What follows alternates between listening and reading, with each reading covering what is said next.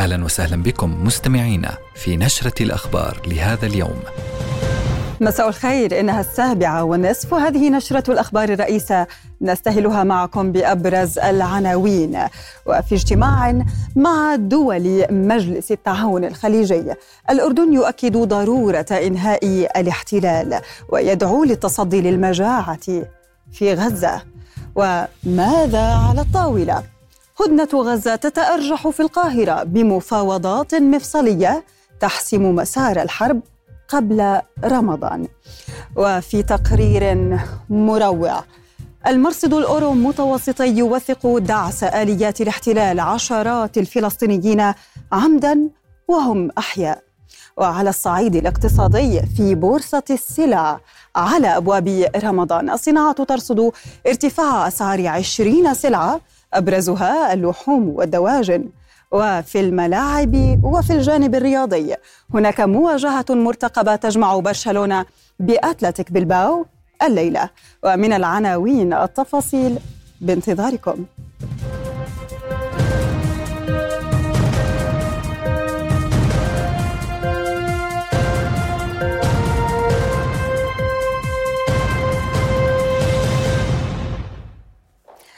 أرحب بكم. في سادس اجتماع وزاري جمع الأردن بدول مجلس التعاون الخليجي. جدد الأردن اليوم على لسان وزير الخارجية وشؤون المغتربين أيمن الصفدي التأكيد على أن المنطقة لن تنعم بالاستقرار ما دام الاحتلال مستمرا وما دام الصراع الفلسطيني الإسرائيلي مفتوحا. وقال الصفدي إن استمرار العدوان الوحشي على غزة هو التحدي الأكبر أمام دول المنطقة. داعيا الجميع للعمل على إيصال المساعدات الإنسانية الكافية لأكثر من مليوني فلسطيني يواجهون المجاعة حسب تقديرات منظمات أممية مشددا على أن تل أبيب تمنع دخول المساعدات بشكل كاف لها. هذا ودعا الصفدي لوقف الإجراءات اللاشرعية في الضفة الغربية المحتلة وإلى عدم منع المصلين من ممارسة شعائرهم الدينية خلال شهر رمضان المبارك. في سباق مع الزمن لإدراك هدنة قبل حلول رمضان تجري في القاهرة جولة جديدة من المفاوضات الهادفة لإبرام اتفاق يؤدي إلى أول هدنة طويلة للحرب الإسرائيلية في غزة المندلعة منذ خمسة أشهر ولم تتوقف حتى الآن سوى لأسبوع واحد في نوفمبر تشرين الثاني المنصرم. واستؤنفت المباحثات بحضور ممثلين لحماس والوسطاء القطريين والأمريكيين مع نقيب إسرائيلي كان قد اشترط تقديم حماس قائمة كاملة بأسماء من تبقى من المحتجزين على قيد الحياة للاستمرار في المفاوضات القائمة. وبررت القناة الثانية عشرة العبرية عدم إرسال تل أبيب وفدها للقاهرة بحصول حكومة الحرب على رد حركة حماس. فيما أكد مصدر مطلع بأن وفد حماس برئاسة خليل الحي سيلتقي الوسطاء المصريين ويقدم ردا على مقترح باريس مؤكدا أن اتفاق الهدنة في غزة قد يتم خلال 24 إلى 48 ساعة. في حال وافقت إسرائيل على المطالب الفلسطينية. من جانبها أكدت واشنطن أن اتفاقا لوقف إطلاق النار مطروح بالفعل على الطاولة وأن تل أبيب وافقت عليه ولا ينقصه سوى موافقة حماس. لكن طرفي طرفي الحرب لم يقدم حتى اللحظة معلومات تذكر عن مدى التقدم بشأن الاتفاق. واصلت طائرات الاحتلال ومدفعيته لليوم التاسع والأربعين بعد المئة قصف مناطق متفرقة في القطاع من بينها دير البلح في الوسط ومدينة رفح في الجنوب مخلفة تسعين شهيدا ومئة وسبعة وسبعين جريحا في تسع مجازر خلال آخر أربع وعشرين ساعة. وبذلك ترتفع حصيلة الشهداء منذ السابع من أكتوبر تشرين الأول إلى 30410 شهداء و71700 جريح وفق آخر إحصائية لوزارة صحة غزة. وفي تعميق للأزمة الإنسانية في القطاع قصف الاحتلال شاحنة مساعدات في دير البلح بصاروخين أثناء تجمع المواطنين حولها ما أسفر عن ارتقاء تسعة شهداء وعدد من الجرحى. فيما أدت غارات عنيفة استهدفت مخيم جباليا شمالي القطاع وخان يونس جنوبا إلى ارتقاء شهداء ووقوع جرحى بينهم أطفال رضع. نايمين الساعة 11 بالليل أمنين أطفال كلهم أطفال. والله ما في ولا واحد عسكري في الدار كلهم مدنيين. كلهم مدنيين ولا واحد عسكري كلهم مدنيين. كلهم أطفال ورضع والله أكثر من 15 رضع أطفال. أكثر من واحد 15 نفر ولد صغار في البيت. كلهم مرمين في الدار. فجأة صاروخ في 16 مرة واحدة فجرت فيهم. مرة واحدة الساعة 11 بالليل ونص خبطوا الدار كلها نزلوها لما خبط الدار صاروخ جينا نجري طلعنا اللي طلعناهم الشهد بس ما فيش فيش دفاع مدني فيش معدات فيش باقي نطلع الناس. ضايل 15 واحد في الدار. 15 دايرين في الدار. جايين نطلع ما انت شايف طلع النهار؟ مش عارفين نتعامل أنا بننظف بدنا نطلع بدنا نحاول نطلع أي حد. نشوف نطلع رافج نشوف وين الناس. أربع في وقت تواصل فيه قوات الاحتلال حصار منطقة القرارة ومدينة حمد شمال غربي خان يونس مني الجيش الإسرائيلي بخسائر كبيرة. جراء تصدي المقاومة لهم ببسالة. تفاصيل ما يدور هناك في تقرير غازي العلول من جنوب القطاع المحاصر. الله أكبر ولله الحمد. أكثر من عشرين ساعة مرت على حصار قوات الاحتلال الإسرائيلي لمنطقة القرارة ومدينة حمد شمالي غربي مدينة خان يونس. وهي مناطق تضم آلاف العائلات الفلسطينية التي استقبلت منذ بداية الحرب الكثير من النازحين. لكنها اضطرت في أكثر من مرة للنزوح إلى رفح بعد مواصلة القصف. لكن التكرار دائما ما كان خير معلم للمقاومة فبعد عودة قوات جيش الاحتلال لاقتحام المدينة من محور القرارة نصب المقاومون كمينا حيث دخلت قوات كبيرة من جيش الاحتلال إلى داخل أحد المباني وجرى تفجير العبوات الناسفة فقتل ثلاثة جنود إسرائيليين وأصيب أربعة عشر حالة خمسة منهم خطيرة. وتدخلت وحدة الإنقاذ 669 لسحب الجرحى من تحت الأنقاض وفق بيان جيش الاحتلال. المتحدث باسم جيش الاحتلال قال في بيان له إن جيشه يواجه قتالا صعبا في خان يونس. في وقت قال رئيس المعارضة الإسرائيلية يائير لبيد تعقيبا على الحادثة إن ما وقع في خان يونس يعتبر كارثة كبيرة. الأمر الذي دفع جيش الاحتلال للجنون لينفذ نحو خمسين غارة في آن واحد خلال خمسة دقائق في مدينة حمد والقرارة فيما تواصل دبابات الاحتلال حصارها للغزيين هناك بالتزامن مع اعتلاء القناصة أسطح المنازل. ومنع الاحتلال خروج أي من المواطنين من خلال مكبرات الصوت المثبتة على طائرات الكواد كابتر مطالبة إياهم بالمكوث في المنازل معتبرة أن مدينة حمد منطقة قتال خطيرة في وقت لم تتوقف المناشدات بضرورة تدخل الصليب الأحمر لإنقاذ الأهالي هناك.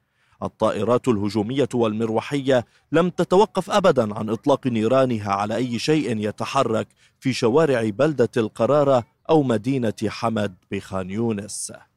غازي العلول رؤيا قطاع غزة. وفي أول تبرير له لمجزرة الطحين التي ارتكبها بحق غزيين فجر الخميس.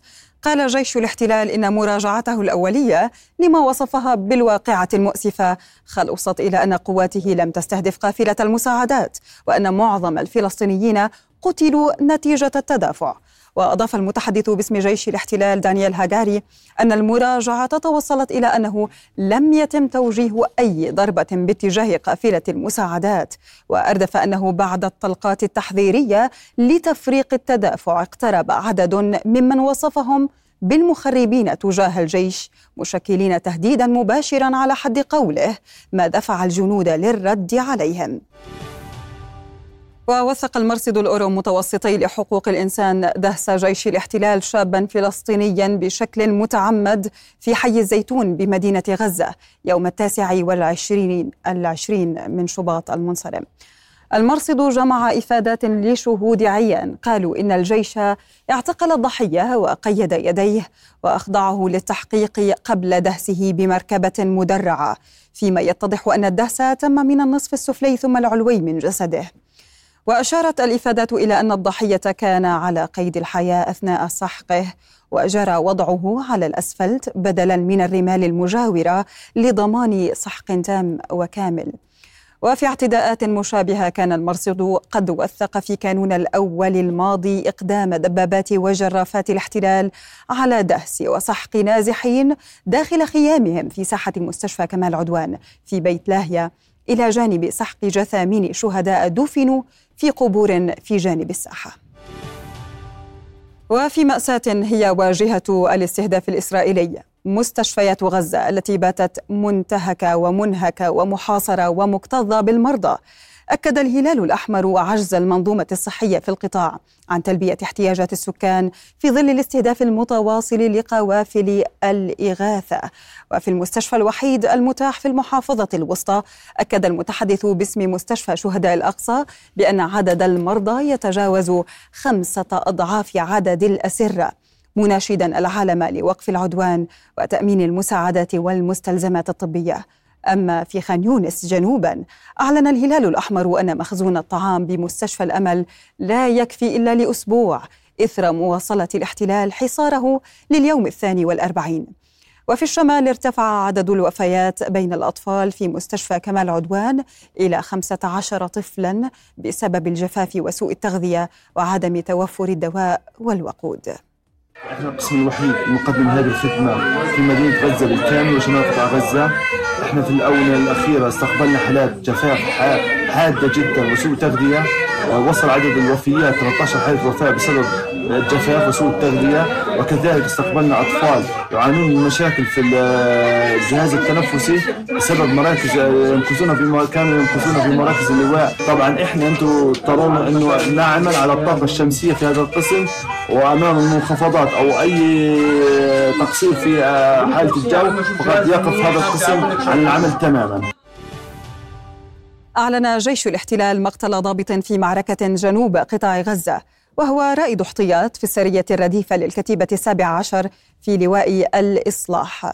وفي غمرة الاشتباكات بين جيش الاحتلال والمقاومة الفلسطينية نشرت سرايا القدس مشاهد لاستهدافها آليتين عسكريتين تابعتين للاحتلال بقذائف آر بي جي. وفي عملية أخرى فجرت مبنى بعد تفخيخه بمنطقة عبسان الكبيرة في خان يونس وأوقعت الجنود بين قتيل وجريح. وفي الضفة الغربية تواصل قوات الاحتلال شن حملات مداهمة واعتقال ضمن عمليات شبه يومية تتخللها مواجهات بين الجيش الإسرائيلي والفلسطينيين. وداهمت قوات الاحتلال عشرات المنازل في طول كرم والخليل وقلقيلية وسط اشتباكات في أحياء عدة بمدينة نابلس. إلى ذلك هاجم مستوطنون متطرفون قرية برقة شرقي مدينة رام الله ورشقوا منازل الفلسطينيين بالحجارة. هذا وأطلق جيش الاحتلال صافرات الإنذار في معسكر سالم غرب جنين بعد إطلاق مقاومين فلسطينيين النار باتجاه المعسكر. شيع أهالي مخيم الجلزون شمال مدينة رام الله جثمان الطفل الشهيد محمد زيد الذي أعدمه جنود الاحتلال بأربع رصاصات ليلة أمس ليرتفع عدد الشهداء في الضفة الغربية منذ السابع من أكتوبر إلى 419 شهيدا. الشهيد محمد هو الطفل الثاني الذي يرتقي خلال أقل من 24 ساعة في الضفة الغربية.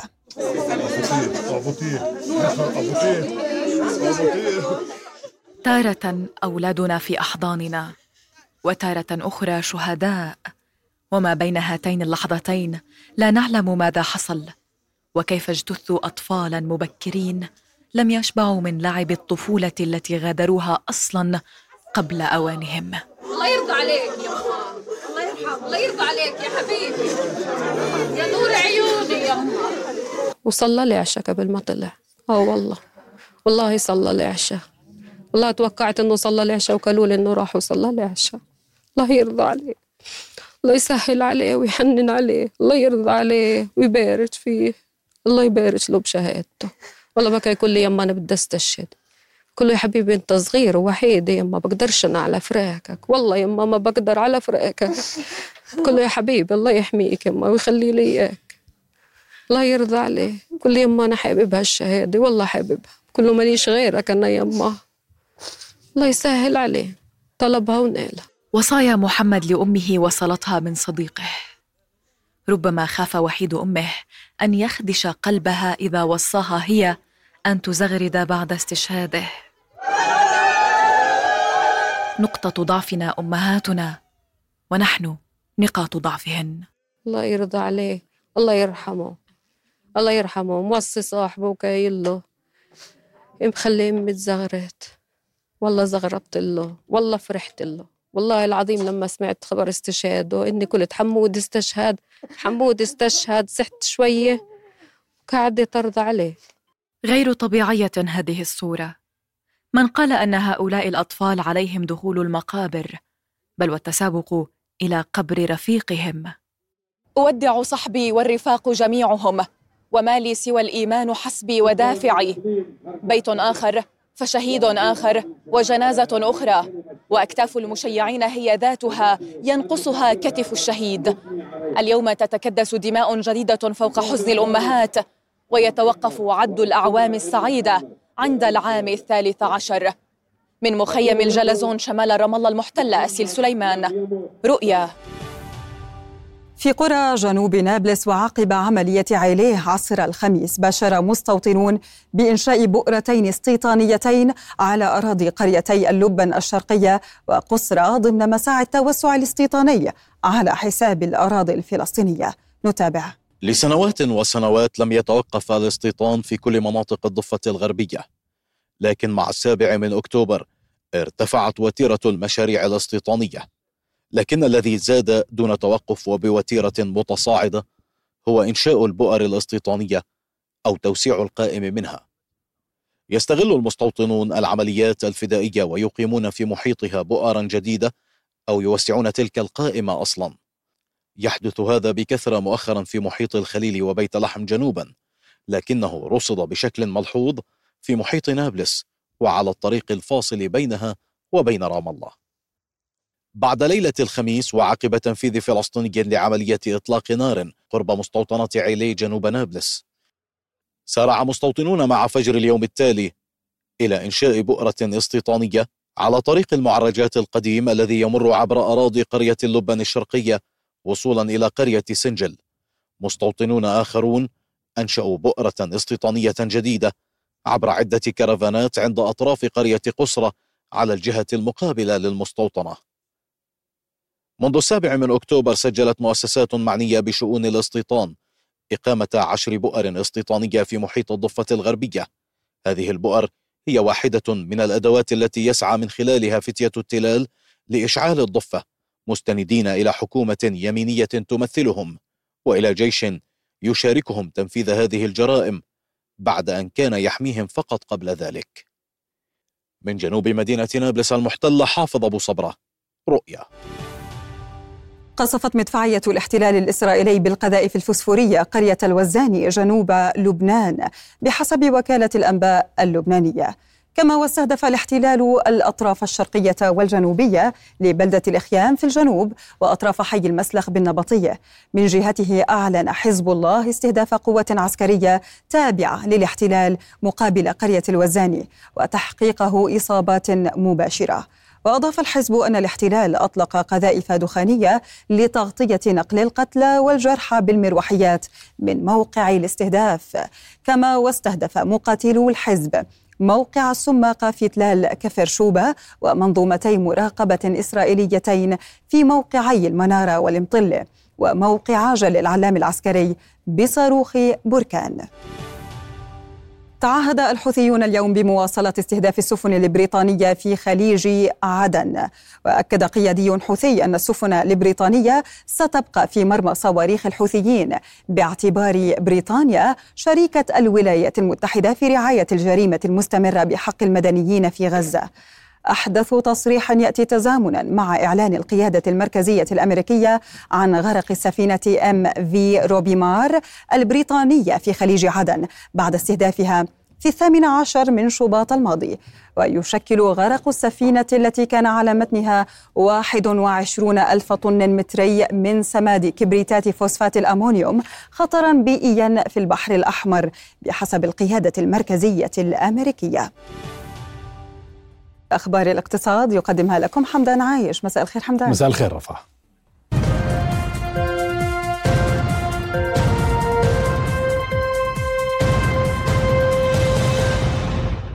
أهلا بكم. قال وزير الصناعة والتجارة والتموين يوسف الشمالي إن الأسبوع الأخير من شهر شباط الماضي شهد ارتفاع أسعار 20 سلعة بنسب بسيطة. مثل بعض أنواع الأرز والدجاج واللحوم نتيجة ارتفاع أسعارها في بلد المنشأ فضلا عن كلف النقل.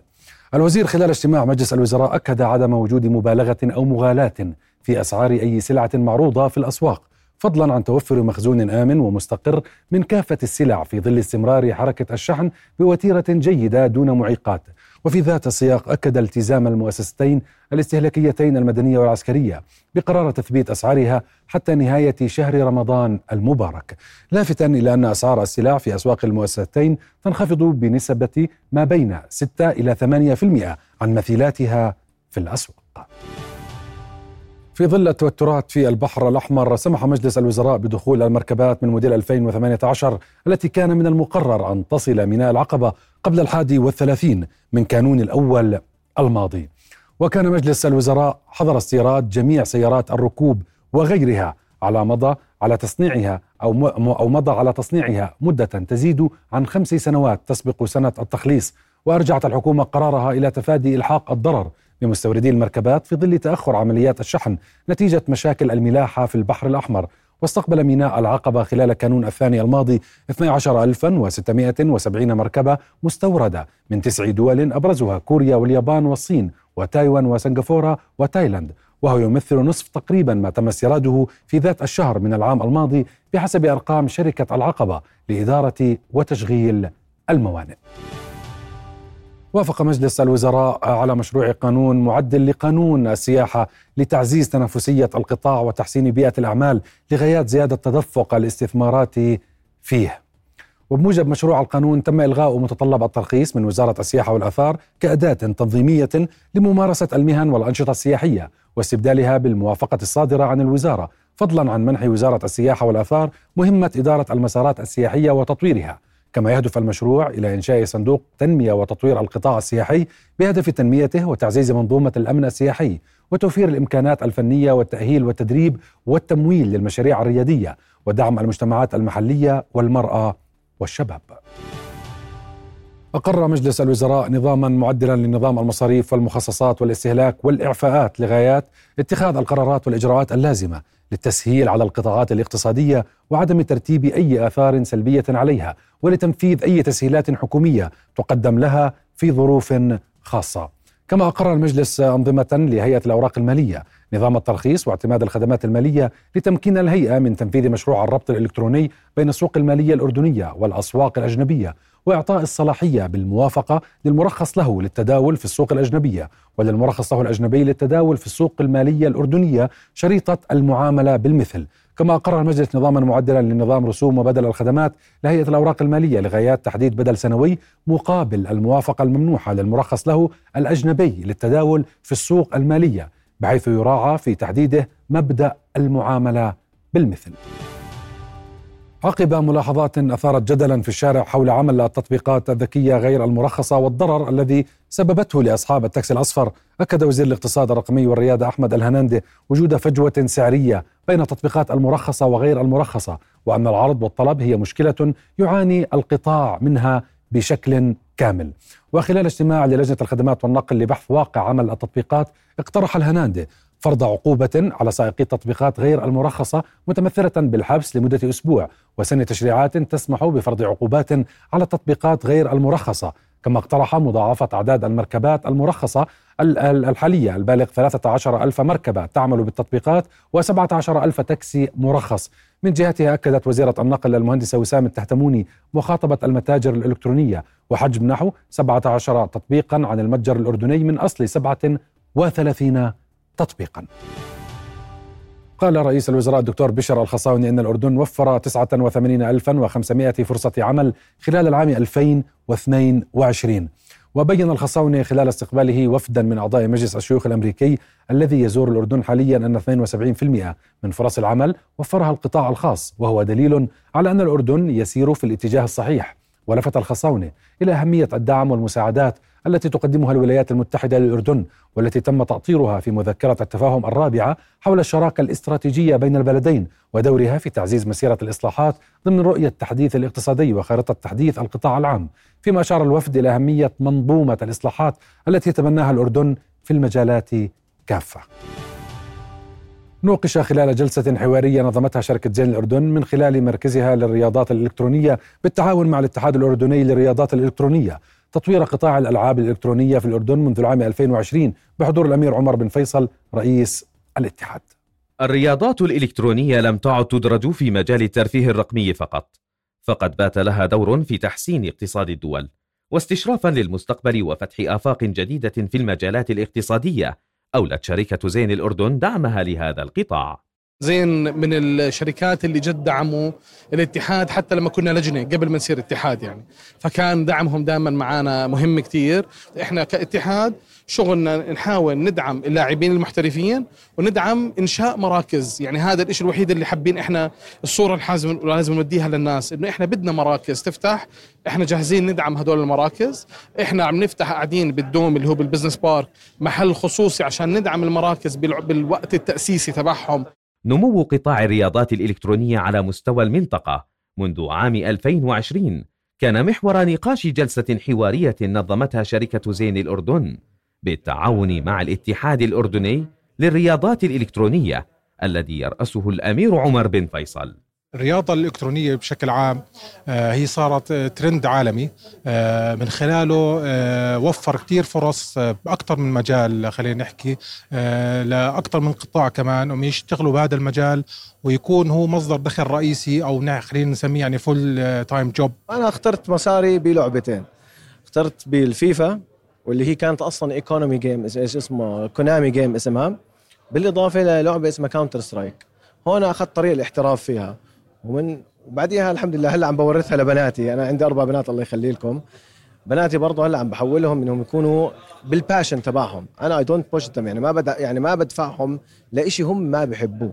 المشاركون أكدوا أهمية الممارسات الصحيحة للرياضة الإلكترونية بتوفير بيئة مريحة للصحة الجسدية والذهنية وإدارة الوقت بشكل إيجابي. وفي نهاية الجلسة كرمت شركة زين الأردن لاعب المنتخب الوطني للرياضات الإلكترونية سيف الدين دبابنة لحصوله على لقب بطولة العالم Global Esports Game بلعبة eFootball والتي أقيمت في السعودية العام الماضي. أسامة بليبلي رؤيا. طالب وزير العمل في حكومة تسيير الأعمال نصري أبو جيش كافة الدول العربية التي تحتاج لعمالة ماهرة للتنسيق. مع دولة فلسطين لتوفير عمالة فلسطينية لها وذلك خلال اجتماع مجلس إدارة منظمة العمل العربية في دورتها المئة في القاهرة. وبين أن الحرب دمرت الاقتصاد الفلسطيني بخسارته أكثر من 40% من ناتجه المحلي وفقدانه حوالي نصف مليون وظيفة ودفعه بمئات الآلاف من العمال إلى الوقوع في خانة الفقر المدقع. ولفت إلى أن معدل البطالة في كافة أو في قطاع غزة يفوق 75% وفي الضفة الغربية حوالي 30% أي ما يعادل 43% من القوى العاملة في فلسطين هي عاطلة عن العمل. إلى هنا نصل لنهاية أخبار الاقتصاد عودة إليك رفع شكرا لك حمدان.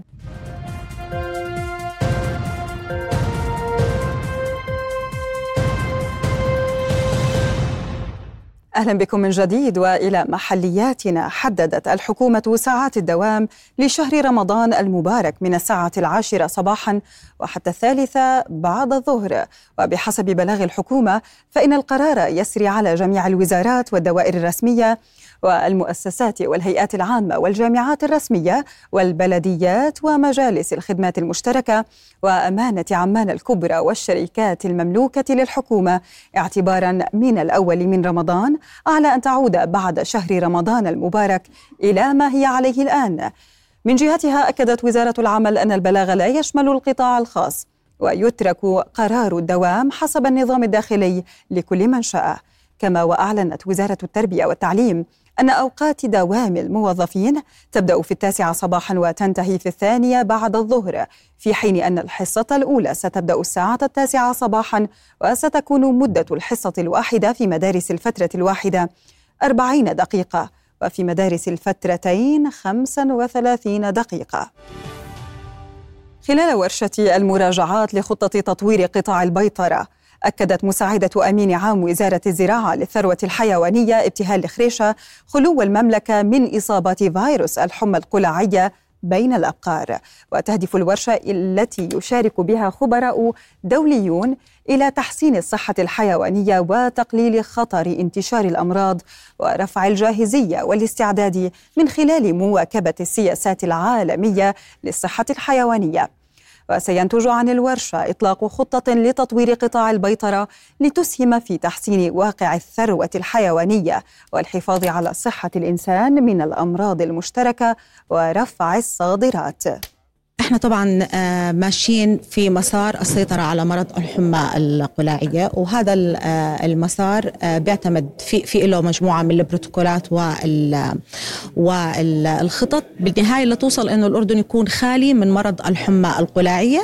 المرحلة إحنا الأردن اليوم في المرحلة اثنين ولكن نستعد إنه نقدم ملفاتنا لنوصل لمرحلة ثلاث إنه إحنا نكون خالي من مرض الحمى القلاعية ولكن مع التحصين.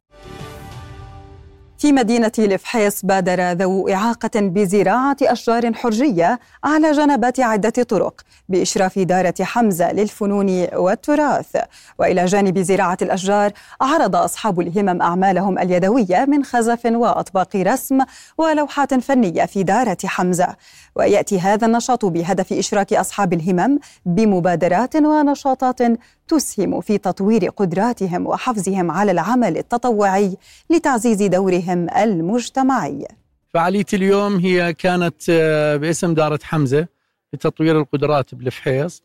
إحنا بنشتغل على آه، مجموعة من النشاطات بهذه الدارة من أجل تطوير قدرات الحالات الخاصة كان توحد ولا Down syndrome ولا special case بشكل عام. فاحنا بنشتغل على تطوير قدراتهم من خلال الموسيقى الرسم الفن التشكيلي الخرز الفسيفساء. اليوم كانت الفعالية زراعة أشجار إحنا بوجه الربيع. فالأطفال هذول كثير حسوا بالسعادة أنهم بيزرعوا بيعملوا ادد فاليو قيم مضافة بالمجتمع.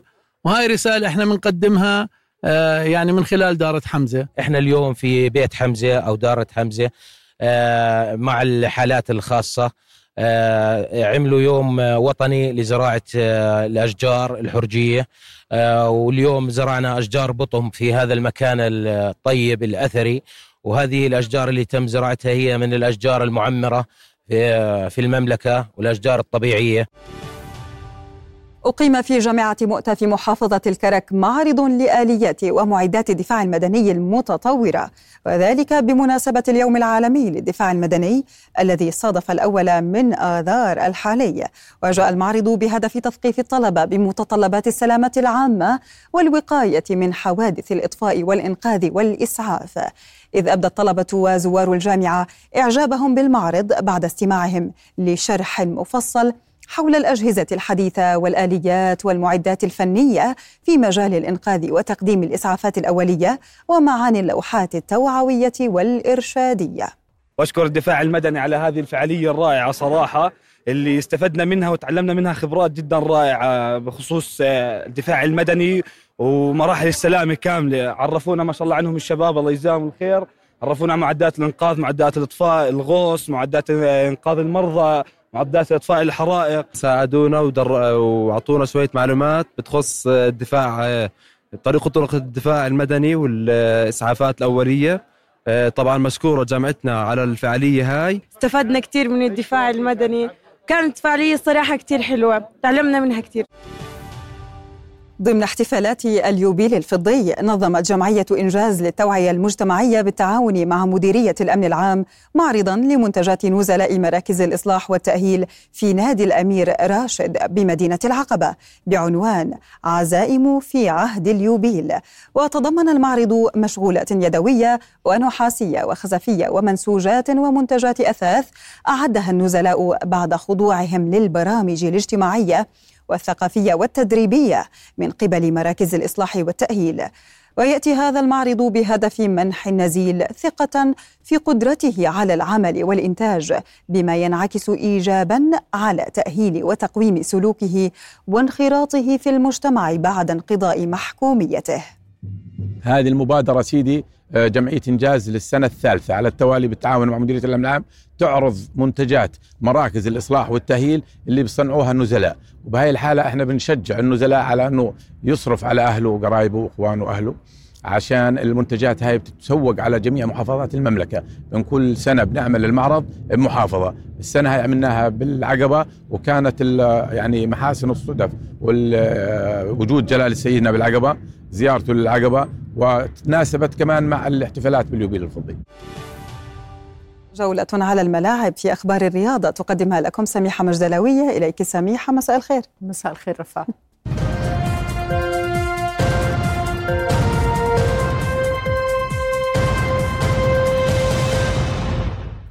أهلا بكم. تتجدد المواجهة الودية بين منتخب الناشئين تحت سن 17 عاما لكرة القدم ونظيره الأوزبكي يوم غد الاثنين على ملعب جاوا في عمان.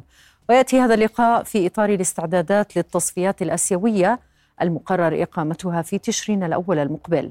وكان المنتخبان قد خاضا مواجهة ودية الجمعة على نفس الملعب انتهت بتعادل الفريقين بهدف لكل منهما.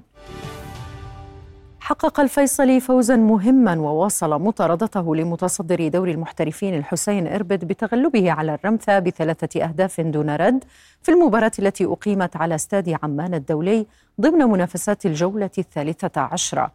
وجاءت أهداف اللقاء عن طريق اللاعبين وانجا وعارف الحاج وبكر كلبونة ليرفع الفيصلي رصيده إلى 30 نقطة في وصافة الترتيب فيما تجمد رصيد الرمثة عند 19 نقطة في المركز الرابع. يحل برشلونة ضيفا على أتلتيك بلباو الليلة ضمن منافسات الجولة السابعة والعشرين من الدوري الإسباني لكرة القدم. ويتطلع برشلونة إلى الحفاظ على سلسلته الخالية من الهزائم في خمس مباريات في البطولة رغم الغيابات المؤثرة في صفوفه حيث سيفتقد خدمات أليخاندرو بالدي وغافي وماركوس ألونسو. بينما سيكون فيران توريس في المرحلة الأخيرة من تعافيه وربما يكون متاحا للمشاركة في جزء من المباراة.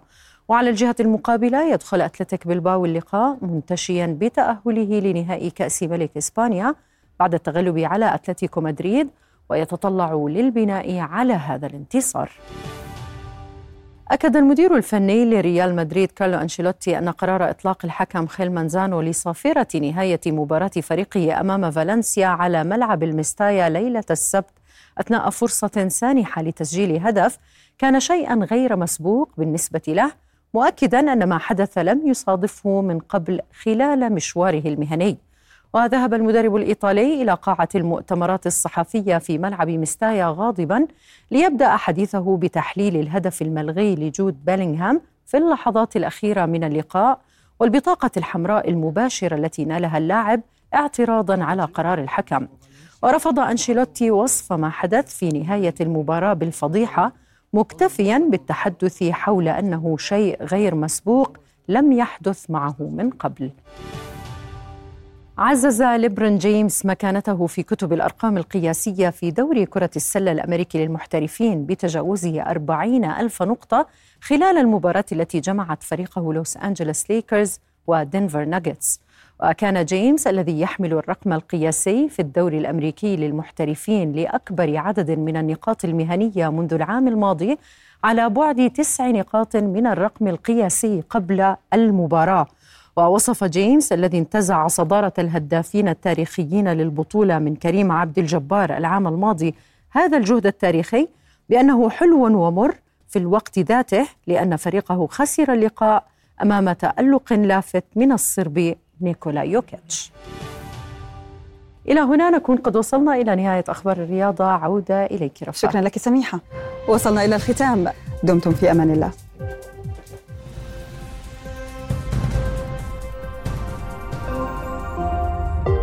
رؤيا بودكاست.